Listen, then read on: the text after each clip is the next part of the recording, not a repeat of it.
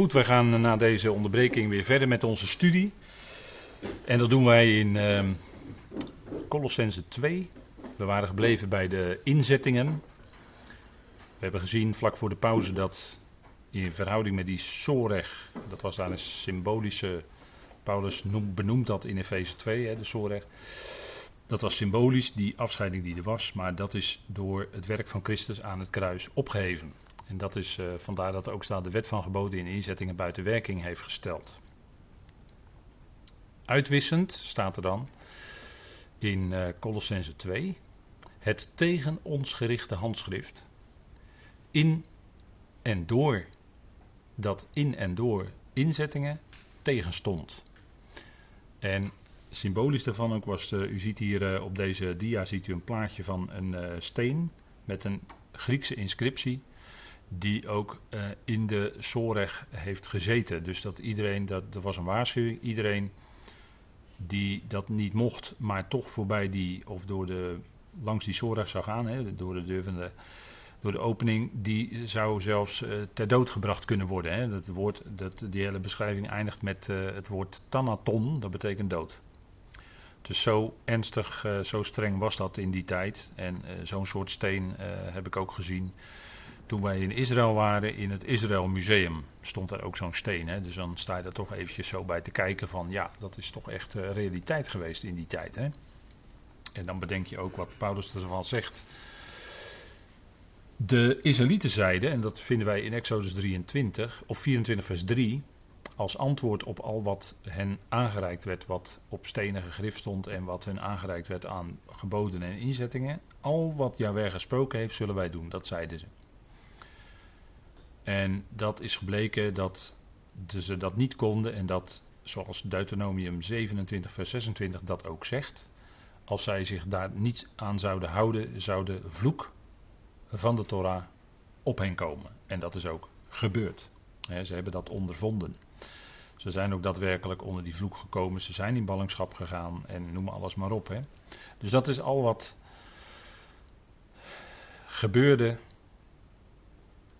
en het gevolg was van wat ook in de Torah zelf was opgenomen. De vloek van de Torah die kwam op dat volk en is uiteindelijk op de Heer gekomen. Dat zegt gelaten 3. Hij is tot vloek voor ons geworden. De vloek van de wet.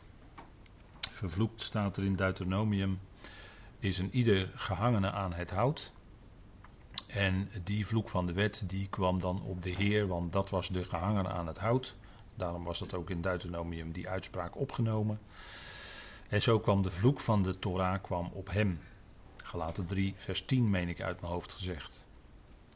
Al wat Jaweh gesproken heeft, zullen wij doen, zeiden ze. Nou, dat kon niet. Dat bracht de vloek. Kijk, en door het kruis, dat is toch wel heel beslissend geweest. Hè? Dat is eigenlijk alles beslissend geweest in Gods plan van eonen. Het kruis, de kruisiging van onze Heer. Dat is ook het centrale punt in Gods plan van Eonen. Gebeurde ook bijna midden in de derde Aion, dus de middelste van de vijf Aionen. En daar middenin, daar bijna ook qua tijd gerekend, zou je bijna kunnen zeggen, uh, heeft, stond dat kruis. En dat is alles beslissend geweest, want Paulus zegt dat ook in, hier in Colossense. En dit heeft hij uit het midden weggenomen. Dus dat handschrift in inzettingen daar wijst het op terug. Dit heeft hij uit het midden weggenomen door het aan het kruis te nagelen. Dus er worden twee beelden eigenlijk gebruikt, twee beeldspraken. Het ene is, het is uitgewist. Dat is wat het eerste wat hij zegt. En het tweede is dat het uit het midden is weggenomen. En ook de beschuldiging, ik heb hier een bordje, dat is uh, nagemaakt natuurlijk dat zoals het eruit zou hebben kunnen gezien, hè, een, eh, een, foto op deze dia van het bordje wat aan het kruis gespijkerd was. Want Paulus zegt hier, het is aan het kruis genageld. En daarmee refereerde hij waarschijnlijk toch ook aan dat die beschuldiging die tegen hem in was gebracht, wat geen beschuldiging eigenlijk was, maar het was de waarheid. Dit is de koning van de Joden. en dat stond er dan in drie talen: in het Hebreeuws, in het Grieks en in het Latijn. En het misschien wel schokkende is dat het, als je het Hebreeuws van rechts naar links leest, dan is dat een uitspraak. Hè? Uh, dan staat er Yeshua en dan is hij hè, de koning van de Joden. En als je die eerste letters van die vier woorden, er staan vier Hebreeuwse woorden, als je die eerste letters achter elkaar zet, dan is het JHWH. Dus dat is eigenlijk de tetragrammaton, dus de naam van onze Heer, Yahweh. En dat is toch eigenlijk wel heel opmerkelijk. Dat was aan het kruis genageld, die beschuldiging. En ze hebben gevraagd om dat weg te nemen aan Pilatus, maar hij zegt nee, dat blijft eraan. En Paulus gebruikt dat om te zeggen dat die wet in geboden en inzettingen, dat handschrift dat tegen ons getuigde, dat was de Torah die getuigde tegen dat volk. En dat ging mee met het volk op, in de woestijnreis, in de ark van het verbond. En dat symboliseerde eigenlijk hè, het verbond, het, het, oude verbond zeggen we dan. Hè, die twee stenen tafelen symboliseerden het oude verbond. Waarop de voorwaarden stonden en waar het volk ja tegen had gezegd. En dat, dat verbond verbraken zij. Dus dat, dat die, die woorden van dat verbond, die getuigden dan tegen hen. Vandaar dat Paulus die bewoordingen hier gebruikt. Hè, in, in Colossense.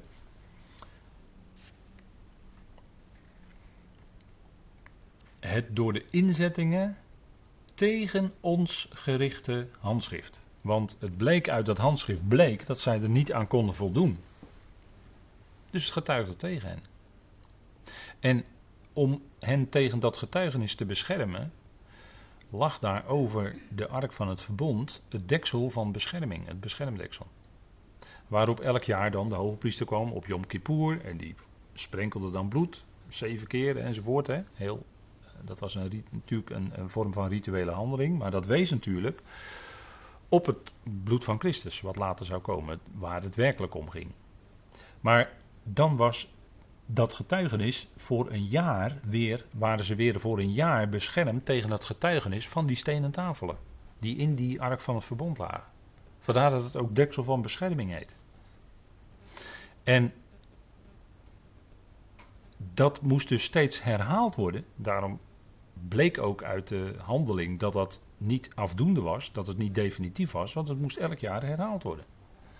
En de priesters die moesten ook altijd elke dag dienst doen, dus die waren elke dag bezig in die tabernakel. Het was steeds doen, doen, doen. Ze moesten steeds iets doen. En dat eh, drukte ook uit dat het nog niet de tijd van de genade was. Punt is dat nu is de vervulling gekomen van het geweldige schaduwbeeld in de kruisdood van onze Heer. Daar ging het om het. Daar werd het werkelijke bloed gevloeid en dat sprak van zijn lijden. Het ging nog niet eens in de eerste plaats om dat bloed op zich. Dat bloed vloeide en daar sprak al dat bloed van wat door stieren en bokken was gevloeid. Maar dat bloed wat vloeide sprak van zijn enorme diepe lijden en zijn dood aan het kruis. Daarom is dat bloed geweldig waardevol en zeggen wij dat we gerechtvaardigd zijn in het bloed van Christus. En het punt is dat zijn dood was wel definitief, was wel afdoende. En door zijn dood werd, werden de zonde, werd de zonde wel weggedaan. En hoefde dat dus, en eh, eh, dus dat, daarom eh, legt de Hebreeënbrief daar ook nadruk op, dat het eens voor altijd was en voldoende. Paulus zegt het ook in Romeinen 6. Maar het was eens voor altijd, het was voldoende, het was afdoende, het hoeft niet herhaald te worden. En daarmee was een einde gekomen aan dat hele ritueel bij, bij Israël. Wat ingesteld was omdat het als schaduw moest wijzen op degene die komen zou, natuurlijk. En daarom was het ook geweldig. Maar nu die schaduw voorbij is, nu eh, de werkelijkheid is gekomen, ja, nu hoeft dat niet meer. Dus, en het punt is dat Kijk, als je nog een verder, even, even een verfijning. In de eerdere brieven van Paulus, daar heb ik op eh, gezet, in Romeinen, Korinthe gelaten, wordt het woord kruisigen als werkwoord gebruikt. En in de voorkomenheidsbrieven alleen als zelfstandig naamwoord, het woord kruis. En wat wil dat zeggen? Dat in die voorkomenheidsbrieven is eigenlijk, eh, kijk je eigenlijk als het ware terug op de kruisiging, het kruisigen, maar dat is voltooid verleden tijd. Maar er is nog steeds een volle werking, een uitwerking van het kruis aanwezig. Jawel, wel degelijk. Wat ook voor ons de basis vormt voor onze levenswandel als gelovigen. Vandaar dat verschil. Eerst nog als werkwoord, maar nu dat helemaal gebleken is dat dat echt voltooid verleden tijd is, wordt het in de voorkomenheidsbrieven alleen nog als zelfstandig naamwoord gebruikt. Maar wel heel nadrukkelijk in Efeze, Colossense, Filippenzen, heel nadrukkelijk wordt het kruis op diverse plaatsen, hele kenmerkende plaatsen genoemd door Paulus, als de essentie waar het om draait. En natuurlijk heeft het kruis ook de volle betekenis omdat hij ook is opgewekt uit de doden. Natuurlijk, dat is de bezegeling ervan. Het is geweldig leven. Het bleef niet alleen bij de dood, maar daarna komt ook het leven, uiteraard.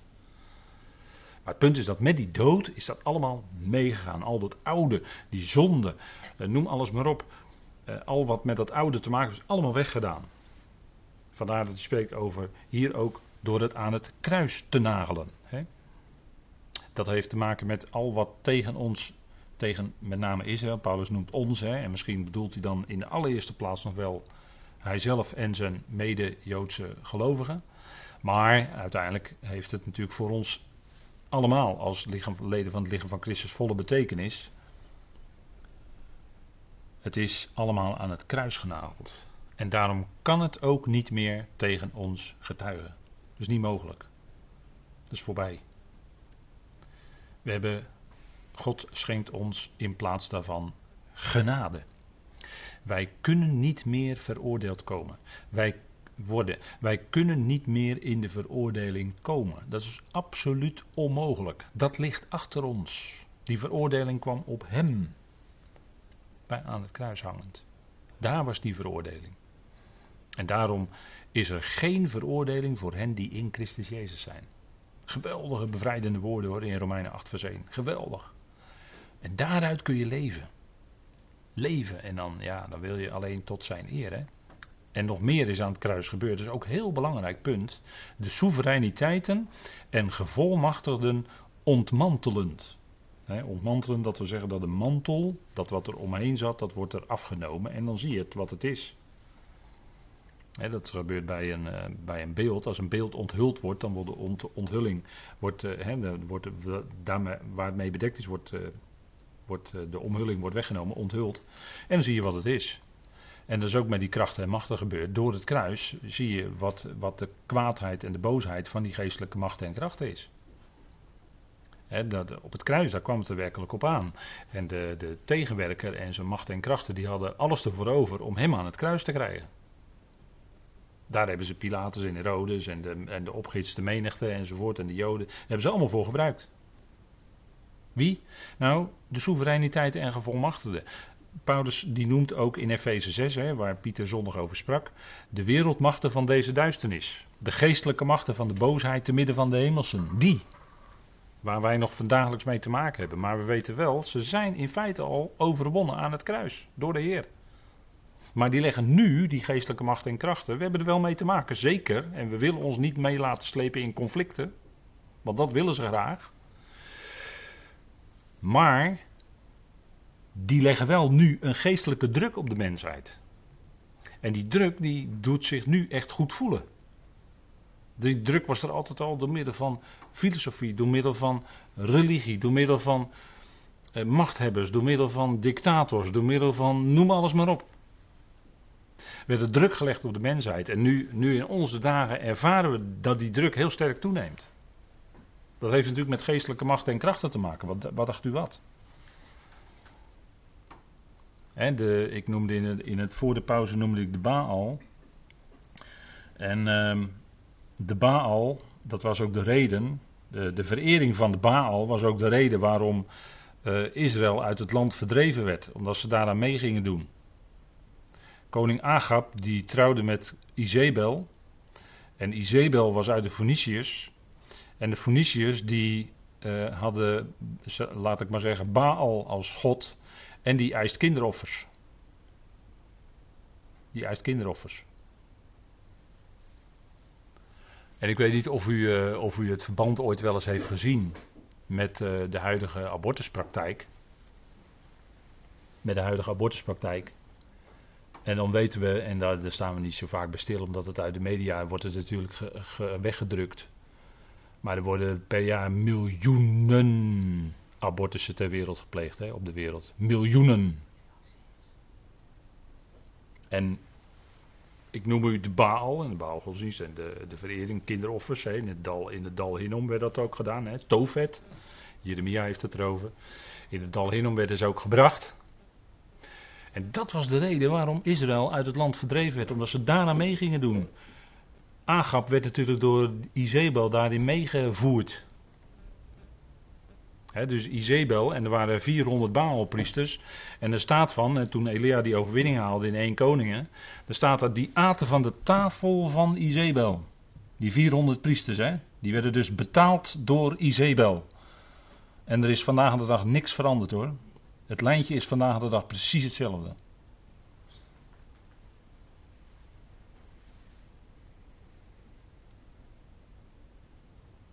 Kijk, degene die de afgelopen vier jaar als clown werd weggezet, als president van Amerika, werd hier door de media belachelijk gemaakt, vier jaar lang. Wat heeft hij gedaan? Die heeft uh, de subsidie, een grote overheidssubsidie, aan de organisatie Planned Parenthood in Amerika stopgezet. Dat was een hele moedige daad. En denk erom dat Joe Biden heel snel die subsidie weer aan Planned Parenthood, de meest extreme pro-abortusorganisatie van Amerika. Denk erom dat Joe Biden die subsidie heel snel zal weer gaan toedienen aan Planned Parenthood. En weet u dat de vader van Bill Gates heel sterk betrokken was bij Planned Parenthood? Dit zijn feiten, hè? Dit zijn de feiten. En het punt is, kijk, en eh, kijk, wat heeft die president van Amerika, die voor clown wordt uitgemaakt door de elitaire media van Nederland, die met het nodige dédain neerkijken, vooral op Amerika. Daar zijn we als Europeanen goed in. Hè? Die Amerikanen zijn allemaal hartstikke gek. Ik denk het niet hoor. Ik denk dat wij getrukt worden door de Amerikanen. En dat wij dom zijn. En zij lang niet zo dom als men, als men vaak wil doen voordoen en wil doen geloven. Maar goed, het gaat me niet om, eh, om, om, politieke uitspraken te doen. Maar wat heeft Trump gedaan? Die heeft, die heeft eh, de ambassade uh, verplaatst, de Amerikaanse ambassade van Tel Aviv naar Jeruzalem. Die heeft de moed gehad om dat te doen. Wat al lang besloten was. Alleen er moest de president komen die het deed. Hij deed het. En met al die andere dingen, natuurlijk. Tuurlijk. Rare dingen heeft hij ook gedaan, rare dingen gezegd, noem maar op, tuurlijk. En niettemin heeft God hem gebruikt om deze dingen te doen. En kijk, het punt is dat we leven in een hele rare tijd. We leven in een hele rare tijd. En we zouden er goed aan doen om uh, onze, onze, ons te laten. Door wie laat je eigenlijk beïnvloeden? Kunnen we, kunnen we ook over hebben, maar daar ben ik vanavond al mee bezig geweest. Door wie laat je eigenlijk beïnvloeden? Is je hoofdmoot is, is dat Gods woord? Of is het alles wat men zegt? En ja, dat, dat, dat, daar moet je kritisch op zijn als gelovige. Ik hoop dat u dat bent. Niet zomaar alle berichten geloven die op je afgestuurd worden. Wees kritisch. Raadpleeg een heleboel bronnen. Niet alleen een paar bronnen, maar een heleboel bronnen. En dan kom je erachter hoe dingen werkelijk zitten in deze tijd. En dat heeft alles te maken, ik zeg dit alles in het kader van de wereldmachten van deze duisternis en de geestelijke, macht, de geestelijke boosheden, de geestelijke machten van de boosheid, van de boze, te midden van de hemelingen. Want daar komt het allemaal vandaan. Dat kan niet anders. Als je ziet hoe het gaat, dan is dat een demonische beïnvloeding in onze maatschappij. En dat is een zwaar woord, maar ik noem het wel vanavond dat is het punt. En eh, daarom neemt de geestelijke druk en ook de druk op ons dagelijks leven neemt toe. We worden steeds verder beperkt. en ik, ik heb, daar kunnen we nu natuurlijk niet, niet eh, dieper op doorgaan, maar daar heb ik duizend gedachten over die ik graag met u zou willen, maar dat gaat nu niet, want dat is een ander onderwerp. Maar de geestelijke druk op de mensheid wordt steeds groter. Dat zijn die geestelijke machten van de duisternis. Dat zouden we ons goed bewust zijn. En het werkt, en je, waaraan kun je het zien? Omdat het overal werkt als een splijtswam. In families, in gezinnen, in geloofsgemeenschappen, in noem maar op. Het komt allemaal heel dichtbij. Het zaait verdeeldheid. Daaraan kun je het zien uit wat de bron is. En je moet gewoon kijken, wat gebeurt er? Wat zijn de gevolgen? Als je daarnaar kijkt en je let op als gelovige, dan zie je het. Alleen je moet leren kijken vanuit, vanuit geestelijk perspectief. En eh, het punt is dat die wereldmachten van de duisternis, die weten dat ze eigenlijk al de nederlaag hebben geleden. De tegenwerker weet het als geen ander, maar die probeert nog uit alle macht. En nog even krijgt hij dan ook de macht. Want ze zullen in de eindtijd, zullen ze hem aanbidden. De draak, hè? Openbaring 13, daar staat het in. Zij zullen de draak aanbidden. Wie? De hele wereld. Dat staat er allemaal. Dat hebben we allemaal gezien met de studies openbaring. En dat, dat is wat, wat gewoon gaat gebeuren. Dat is wat gaat gebeuren. En als je op Gods woord dus leest, dan weet je wat er komt. En als het nu komt, dan moet je niet verbaasd zijn. Nee, dat staat er. Ja, we zien het onder onze ogen. Het gebeurt. daar moeten we dan niet raar over doen of verwonderd over zijn. Nee, het gebeurt gewoon. En kijk, dat is, dat is wat voortdurend op de mensen gelegd wordt. En dat heb je ook mee te maken eh, in, in onze samenleving, hè, in Nederland. De soevereiniteit en gevolmachten, die werken via mensen. Geestelijke machten werken via mensen om de mensheid te beïnvloeden, om vooral de gelovigen te beïnvloeden. Wie worden enorm beperkt in onze tijd? De kerken, de geloofsgroepen. Worden allemaal beperkt, daar kun je het ook zien. Ze werken via mensen, via instituties, via de politiek, via filosofie, op het gebied van de religie. Daar zijn, die mensen, daar zijn die machten ook allemaal werkzaam. En vooral te midden van geloofsgroepen, geloofsgemeenschappen, daar zijn ze volop werkzaam. Want ze willen niets liever dan à la Machiavelli verdeeldheid zaaien. Dat willen ze, dat doen ze. En dat gebeurt. En dat is om hun mening, om hun idee aan de mensen op te leggen. Dat zijn de gedachtenveranderaars. Op de Bijbelscholen kreeg ik daar al onderwijs in. Dat was een bepaalde Schule in Duitsland. Die met allerlei gedachtenveranderaars vanuit het marxisme bezig waren. En die gedachtenveranderaars die waren ook in Amerika bezig in de afgelopen eeuw. Communisten die altijd bezig blijven en die maar één doel willen, dat is de wereldheerschappij. Dat is het doel van het communisme. Laten zich geen zand in de ogen strooien. En de communisten nemen de macht over. Ik ben niet te somber, dit is aan de hand, dit gebeurt nu. En het punt is dat zij willen dus hun mening, zij willen dus de gedachten van de mensen veranderen. Want als jij de gedachten van de mensen veranderd hebt, dan is de volgende stap dat je ze volgens kan laten doen wat jij wil. Dan kan jij hun, jouw wil aan hen opleggen. En dat gaat het, de wetteloze gaat dat straks ook doen. Dan is één woord van de wetteloze voldoende om de hele wereld anders te laten handelen. Dus die kant gaan we op. En de technologische structuur is in de wereld aanwezig om dat gewoon te kunnen doen. en dan worden die ideeën, die gedachten, worden opgelegd. En dat zal leiden tot de aanbidding van. Want dat is, dat is waar de tegenwerker naartoe werkt. Dat wil hij graag. In plaats van Christus, hè? ja, de antichrist. Die gaat echt komen. Dat is helemaal niet zo, zo ver weg meer. Kijk, boodschappers, religieus of niet, die leggen mensen op om iets te doen. Alsof je, en als het gaat in het christelijke bereik, hè, binnen het christendom, dan gaat het om iets doen. En dan iets doen alsof je niet compleet bent in Christus. En zitten we weer helemaal in het verband van de Colossensebrief. Waar het gaat om filosofie, waar het gaat om legerverleiding, waar het gaat om beroofd wegvoeren, waar het gaat om, en dat heb ik u net dan allemaal in onze samenleving, heb ik een paar dingen aangegeven wat nu aan de hand is. Dat is dus wat allemaal gebeurt. De mensen worden beroofd, weggevoerd, hun leven wordt leeggemaakt en het moet straks met iets anders gevuld gaan worden. En dat is ook wat in, in, in het religieus bereik gebeurt. Hè. Um, je moet dan iets doen en dat is, en is heel subtiel, want dan is het net alsof jij in Christus nog niet compleet gemaakt bent. En dat staat wel in Colossense 2 vers 10. Jullie zijn compleet gemaakt in Hem. Moet je dan nog iets doen? Nee, nee, nee, nee. Je bent al compleet in Hem. Hoeft niks meer aan toe te voegen. Dat zou een ontkenning zijn. Dus doop in water? Nee. Nee. Hoeft niet. is, is in feite ten diepste, als je dat doet om, een ontkenning van. Of een heel ander punt waar Paulus het over gaat hebben is de Sabbat. En wat, wat dan in het christendom is geworden, de zondag. Hè, de, de, de dag ter ere van de zon. Is ook allemaal gebeurd. Ook een rustdag. En dan lijken we net op het volk Israël, die de Shabbat wel als inzetting had gegeven. Maar het christendom, de christenen, de gelovigen, die hebben nooit de Shabbat als inzetting gekregen. Laat staan de zondag.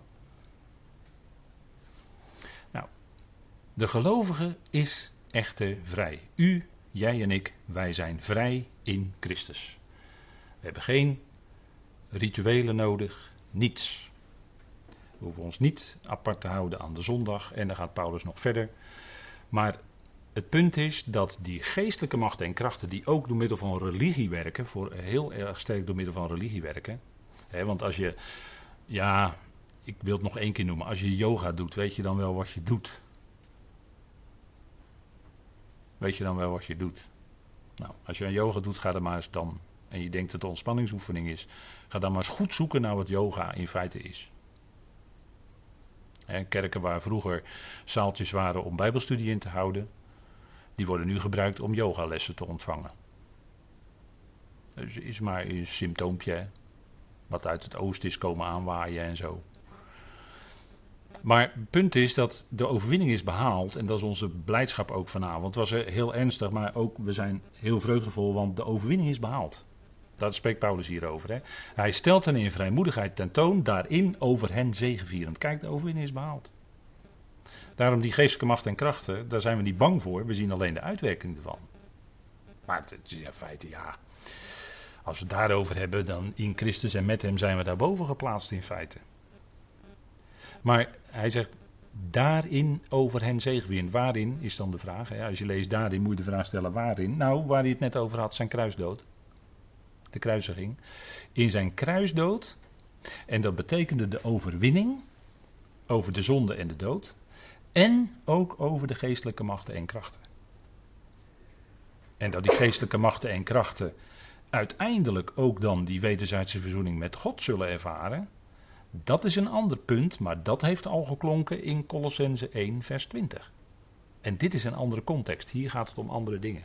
Dus die moet je niet met elkaar vermengen. Er wordt soms wel heel subtiel gedaan. Maar dan weet u het, dan ga ik het over die verdwijntruc hebben. Je moet dus niet de ene context gaan verwarren met de andere context. Want anders laat je de betekenis van de ene verdwijnen achter de betekenis van de ander. En dat is niet eerlijk, dan doe je aan een verdwijntruc. En ik noem het heel bewust een truc.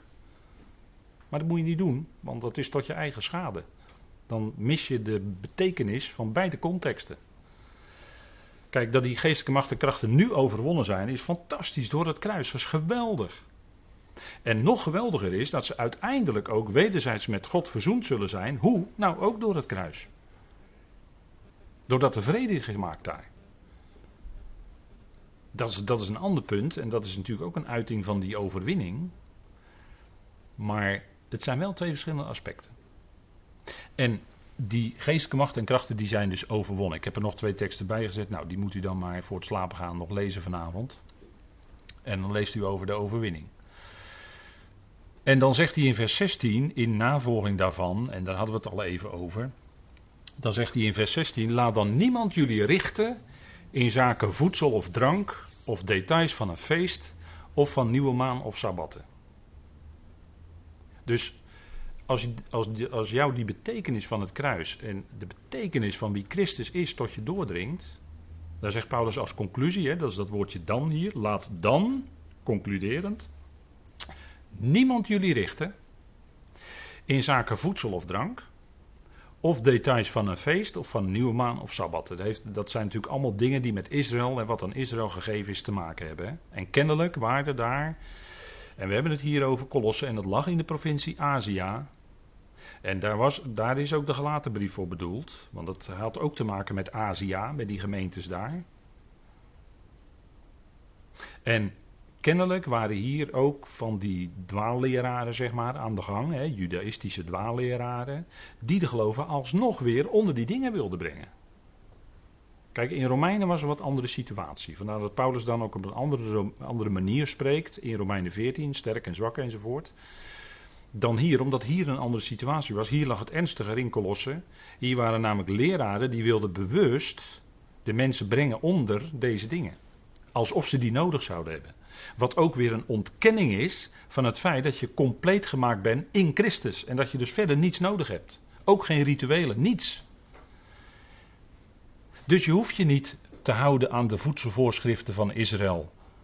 Dat je geen vlees mag eten met bloed erin. En gespleten hoeven en geen gespleten hoeven. En vogels en welke vogels je dan wel en niet mag eten.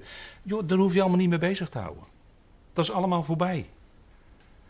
Paulus die schrijft in 1 Timotheus 4 dat al wat God geschapen heeft, dat kunnen wij nuttigen onder dankzegging. Dat is de taal van de genade. Dat is de taal van de genade. Degene die gaat zeggen dat je nog dat je geen voedsel mag eten met bloed erin en verstikt enzovoort. Degene die dat zeggen, die zijn niet bezig met de genade. Die zijn met iets anders bezig. Of drank.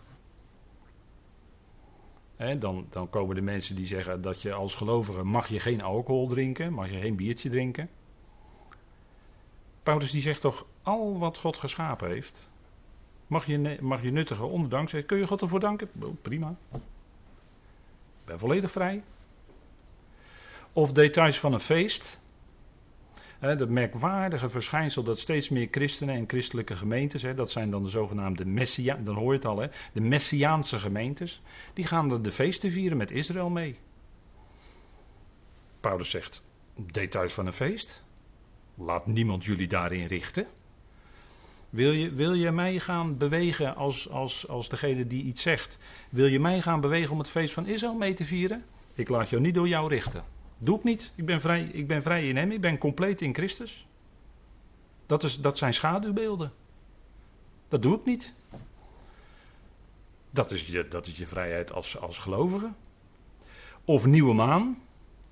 Israël kende de maankalender. Israël kent de maankalender vandaar dat ze, ze hebben dan een bepaald aantal dagen. Dan één keer in de zoveel jaar moeten ze weer een maand extra doen. Om weer een beetje bij te lopen. Anders klopt het niet bij de oogstfeesten enzovoort. Dan ga je scheef lopen op de duur.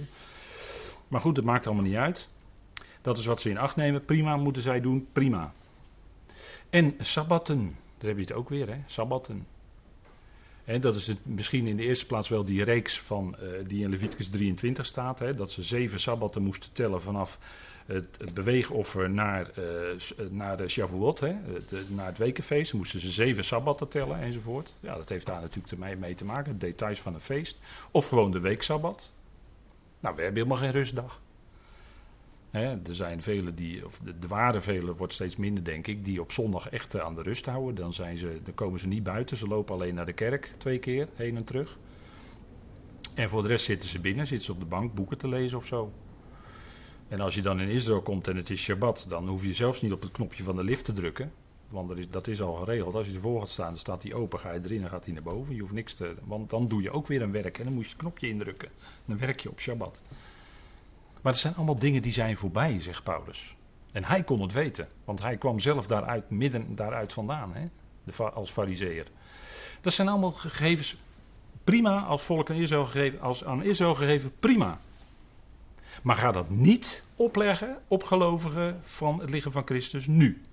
Dat is waar, waar Paulus hiermee bezig is.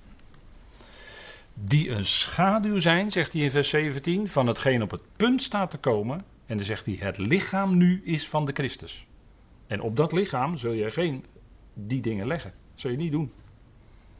Want het is allemaal voorbij. En kijk, als, als, het komt, dan, als, als er iets komt, dan zie je eerst de schaduw. En pas later zie je eventueel de zon of het lichtpunt waar die schaduw uh, mee te maken heeft. Zo is het ook in, in geestelijk bereik geweest. Je zag eerst de schaduwbeelden bij Israël. En later kwam het volle licht, namelijk Christus, die zei: Ik ben het licht van de wereld. En hij liep te midden van zijn volk. En hij bracht het licht. En de genade en uh, de, de, de wet is door Mozes uh, geworden. De genade en de waarheid zijn door Jezus Christus gekomen, zegt Johannes toen met hem kwam ook genade en de waarheid. Nou, dus al dat voedsel, drank, details van de feest, nieuwe maan, sabbatten, zijn allemaal schaduwen. Dus als je daarmee bezig gaat houden, waar hou je dan mee bezig? Met de schaduwen. Dan draai je de klok terug. En dan denk ik, als dat gebeurt, dan denk ik, ach wat jammer nou. Je draait de klok heel ver terug. Terwijl je in Christus al schathemeltje rijk bent. En er valt niks meer aan toe te voegen. Die rijkdom is zo groot, dat, dat kan je nooit eh, terugvinden in, in, waar je dan mee bezig gaat houden. En het kost je ook nog een hoop tijd en moeite. En dan moet je precies kosher. Dan moet je alles goed doen. En moet je twee. Als je het goed wil doen, dan moet je twee serviezen nemen, twee vaatwassers en eh, noem alles maar op. Maar die moeite hoeven wij allemaal niet te doen. want wij zijn volledig vrij. Daarom, daarom zou ik zeggen: leef, dank de Heer voor die genade. Leef in die genade. Je bent niet meer in de schaduw, maar je leeft in het volle licht van Christus. Dat is geopenbaard, hè? want al wat openbaar maakt is licht. En dan komt tegelijkertijd, dat komt ook gelijk met de waarheid. Hè? Met waarheid komt ook licht. Dat bad de psalmist al. Zend Heer uw licht en waarheid neer. Psalm 25 hè, is dat. Gebed van de psalmist. Wij mogen danken dat wij die waarheid en dat licht hebben ontvangen in Christus. Daar kunnen we God voor danken. Dat is geweldig. En leef dan in die vrijheid. En laat je niet, dat is dan het vervolg, maar daar loop ik een beetje vooruit de volgende keer. En laat je dan niet alsof je in de wereld leefde, je weer opnieuw brengen onder geboden en inzettingen en alles. Wat zegt Paulus daarbij? Alsof je in de wereld leefde. Maar daar zijn we toch aan onttrokken? We zijn toch ook dood voor de wereld? Nou, dat betekent ook voor die religieuze wereld. En voor alle religie. Nee, de werkelijkheid waar het om gaat is in Hem. Hij is het antwoord op alles. Alles is in Hem tot vervulling gekomen. We hoeven niet te zoeken naar compleetheid, we zijn het al. En daar kunnen we God heerlijk voor danken. Nou, ik denk dat het goed is om dat ter afsluiting van deze avond met elkaar te doen. Zullen we de Heer danken? Vader, we danken u dat we ook vanavond weer een moment stil konden staan bij deze machtige brief aan de Colossensen. Dank u wel voor de duidelijkheid die Paulus ons verschaft. Dank u wel dat we die woorden mogen bestuderen, van alle kanten bekijken, de betekenis ervan proeven. Vader, dank u wel dat u ons stap voor stap voort wil leiden op die weg. Dank u wel dat u ook deze avond zo wilde geven. Dank u wel dat we met elkaar ons kunnen verheugen in Hem. Dat we vrij zijn en dat we, Vader, daaruit kunnen leven tot eer van U. Dank u wel dat u zelf het bent die zowel het willen als het werken in ons uitwerkt. Dank u wel dat we u daarvoor mogen danken, loven en prijzen. In deze tijd, Vader, waarin zoveel op ons afkomt, waarin zoveel er is wat ons maar neer wil drukken, maar dank u wel dat we onze hoofd opwaarts mogen heffen naar u. En u mogen danken voor die rijke troost en bemoediging die komt uit uw woord. Dank u wel dat u ons niet begeeft en niet verlaat. Dank u wel dat u altijd nabij bent. En dat u ook bij hen bent die het moeilijk hebben. Wees met hen die, ja vader, die we mogen gedenken in onze gebeden. En die ouder worden en wat met gebreken gepaard gaat, met pijn. En ook het gemis, vader, van hen die ons ontvallen zijn, is daar, het verdriet. Vader wil ons daarin genadig nabij zijn. En dank u wel dat we mogen uitzien naar dat grote moment dat die bazuin zou klinken. Vader, dank u wel dat we dan de ontvallenen weer zullen terugzien. Dat u ze zal wekken. En dat we gezamenlijk met hen tegelijk, Heer, u mogen ontmoeten in de lucht. We danken u daarvoor. We danken u dat we dat perspectief hebben, dat uitzicht. En dat het volle licht van het evangelie van Christus, van zijn genade, in ons leven mag schijnen en schijnt en in ons hart is gekomen. Vader, we danken u daarvoor. We danken u dat u ons helderheid, licht en uitzicht verschaft. Dank u wel dat wij niet gesteld zijn tot verontwaardiging, maar tot redding. Door onze Heer Jezus Christus. Vader, dank u wel dat we, Vader, zo mogen denken aan hen die wat verder weg zijn, maar toch met ons verbonden zijn. Die het onderwijs nauw volgen en daar blij mee zijn. We danken u daarvoor. Wees hen genadig nabij, Heer. U kent al die plaatsen, u kent al die harten. En dank u wel dat u ons bemoedigt en dat u ons toespreekt. We danken u, wij loven en prijzen u.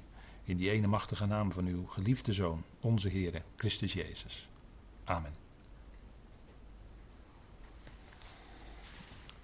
Dank voor uw aandacht en tot de volgende keer.